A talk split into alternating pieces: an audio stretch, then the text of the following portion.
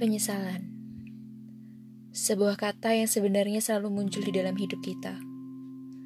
Kata yang mampu membuat kita semakin merasa bersalah dengan yang sudah-sudah. Kata yang konotasinya negatif dan memang berdampak buruk kalau terlalu sering dipikirkan. Penyesalan. Ya, aku menyesal. Menyesal sebegitu dalamnya sampai aku memarahi diriku sendiri Untung aja nggak sampai membenci diri sendiri sih. Kalau sampai membenci diri sendiri bahaya banget. Aku menyesal sudah mengambil keputusan yang terlalu gegabah. Ini perihal masalah hati ya teman-teman. Padahal aku punya proyek untuk membahagiakan diri sendiri meskipun terdengar egois. Aku merelakan seseorang yang aku kira tidak memikirkanku. Aku merelakan seseorang yang aku kira dia tidak akan membalas perasaanku. Rupanya, dia ingin menerima perasaanku, tetapi aku memilih untuk menyudahi sebelum mendengar penjelasan dari dia. Ya, aku pergi meninggalkannya.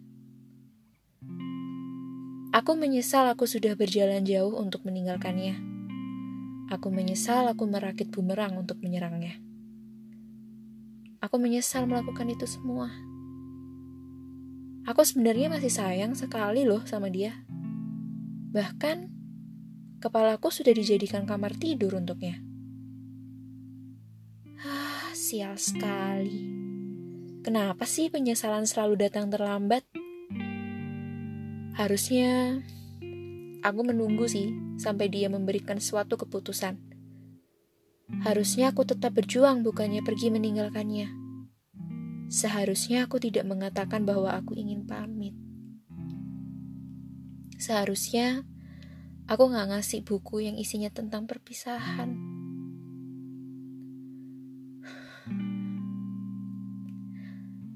Setiap hari, bayang-bayangnya selalu memenuhi isi kepalaku. Ya karena kepalaku sudah dijadikan tempat tidurnya sih.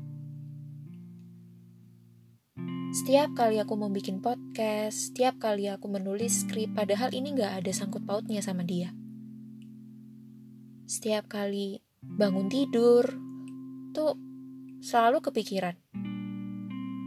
Tiba-tiba pas bangun tidur, gercep ngambil HP, gerak cepat buat ngambil HP untuk ngehubungin dia. Selamat pagi. Ayo bangun. Itu kebiasaan lama yang aku lakuin.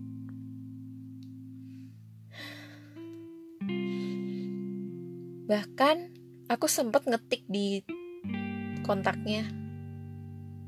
Selamat pagi. Tapi aku lupa dan tiba-tiba tersadar. Ini udah selesai.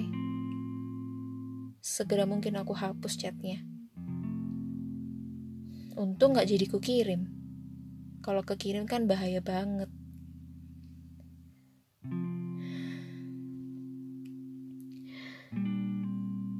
Setiap hari pula, kalau misalnya ada nada dering HP ku berbunyi ya, aku kira itu chatting loh dari dia.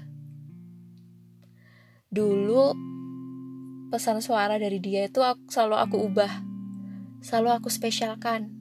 Jadi kalau misalnya nada dering ini, otomatis aku keinget dia. Bahkan Sampai sekarang aku hafal nada dering untuk dia itu gimana. Tapi itu semua udah selesai. Itu semua sudah menjadi penyesalan.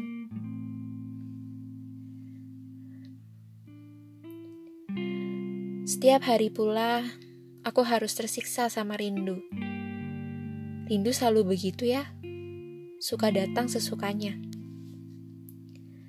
dan membuat kita yang merasakannya tersiksa sampai tidak tahu harus bagaimana. Ingin aku berteriak di telinganya, "Hei, aku kangen sama kamu." Tapi gak mungkin kan aku ngelakuin itu. Gak mungkin kan tiba-tiba aku ngechat dia terus aku bilang aku kangen sama kamu. Setelah hampir sebulan namanya. kita tidak berkomunikasi secara intens. Kita sudah tidak berkomunikasi secara hati ke hati. Ya, kita tetap sih komunikasi, tapi nggak seintens dulu. Terakhir, kita berkomunikasi lewat pesan suara. Lega rasanya mendengar suaranya. Lega sekali mendengar bahwa dia baik-baik saja dan sehat-sehat saja.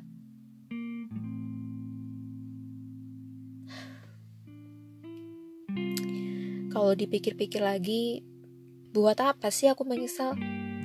Lagian semuanya sudah terjadi. Ini memang konsekuensi yang harus ditanggung akibat aku tidak bisa bersabar. Ya, selamat datang di penyesalan yang tak berujung. Lagian, kalau aku menyesal, penyesalan sendiri juga gak bisa mengubah apa pun. Ya ini suatu keadaan yang harus aku terima. Dia sendiri juga pasti susah untuk menerima aku yang berhasil masuk ke dalam dunianya, lalu dia nyaman karena aku masuk ke dalam dunianya, dan ketika dia sudah nyaman aku tinggal. Mana ada sih orang yang mau menerima atau memberikan kesempatan kedua bagi orang-orang yang seperti itu? Tapi tunggu dulu. Aku ninggalin dia bukan karena aku gak sayang lagi sama dia. Aku ninggalin dia bukan karena aku ber, berpaling sama cowok, cowok lain. Aku tidak seburuk itu, teman-teman. Aku takutnya kalian berpikir bahwa aku tuh cewek yang nakal. Enggak. Justru aku merelakannya karena demi kebaikan kebahagiaannya dia, kebaikannya dia. Masalah hati adalah yang utama, kebahagiaan orang lain adalah yang utama bagiku. Aku nggak apa-apa, aku harus sakit-sakit melihat orang yang aku sayang bahagia, tapi bukan sama aku. Karena aku tahu ketika suatu rumah yang bangunannya sudah menerima tapi kalau pemiliknya nggak mau menerima atau nggak suka sama kehadiran kita, untuk apa dipaksa?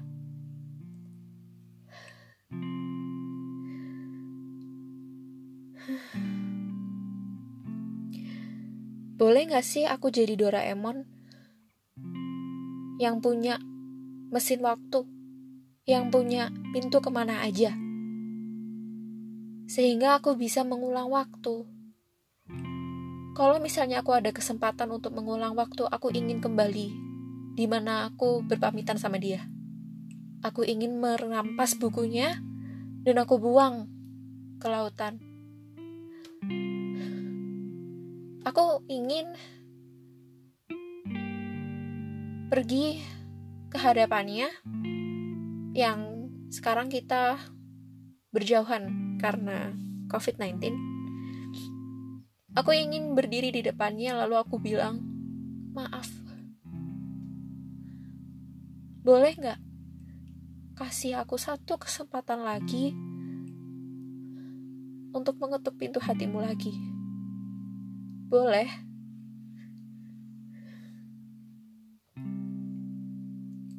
Nggak. Jawabannya nggak bisa. Aku nggak bisa jadi Doraemon. Aku gak bisa main kabur begitu aja gak bisa. Karena ini bukan dongeng. Ini realita yang harus aku laksanakan, yang harus aku selesaikan.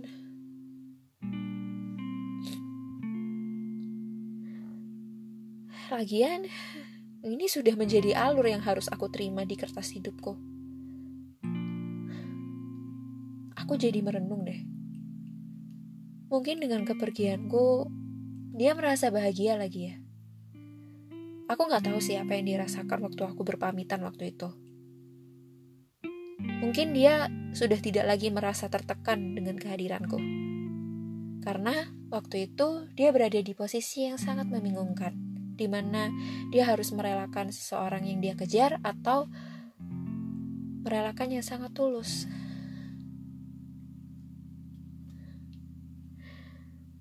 Mungkin kalau aku nggak pamit,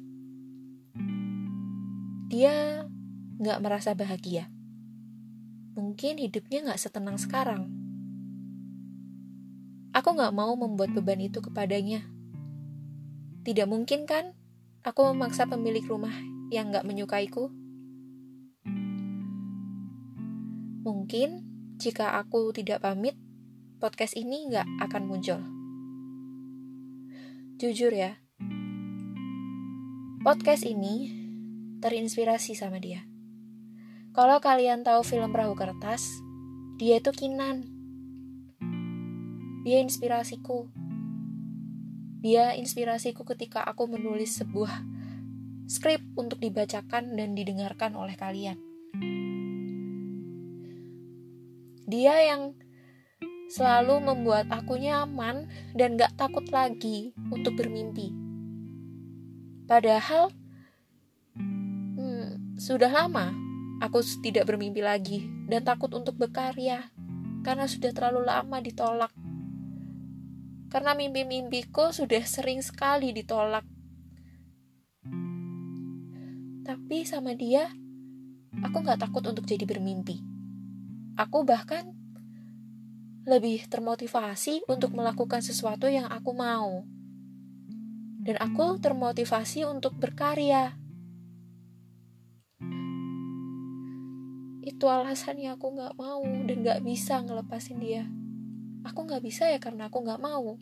Karena dia, aku gak jadi pengecut dalam bermimpi. Terima kasih banyak. Kalau kamu dengerin ini, Terima kasih banyak. Aku akhirnya menemukan apa yang aku mau.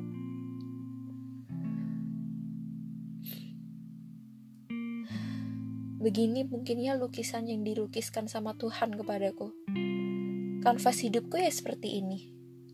Aku sebagai manusia harusnya bisa menerima, bukannya menolak, bukannya malah minta kembali dan memulai kembali. Emangnya gampang? Aku pasrah Tuhan. Aku pasrah. Entah lukisan apa yang akan engkau lukis tentang percintaanku ini, aku nggak ngerti. Aku hanya bisa pasrah dan berdoa. Kalau memang dia yang terbaik untukku, dekatkanlah. Tapi kalau memang dia yang bukan terbaik untukku, jauhkanlah. Sekarang, aku berada di posisi terjepit di mana aku ingin merelakan tetapi aku tidak mau dia pergi dengan wanita lain. Egois ya? Tapi itu yang aku rasakan.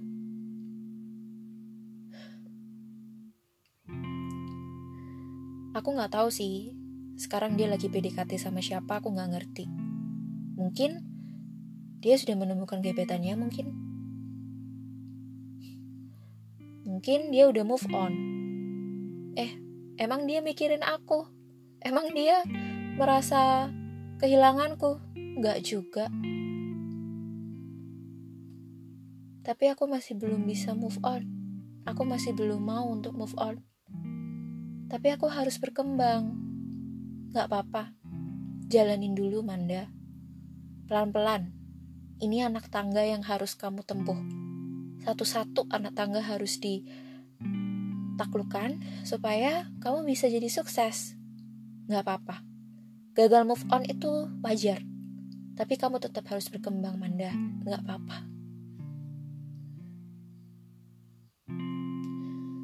Emang ya, cinta selalu membawa perasaan egois yang membuat dua orang merasa tidak nyaman.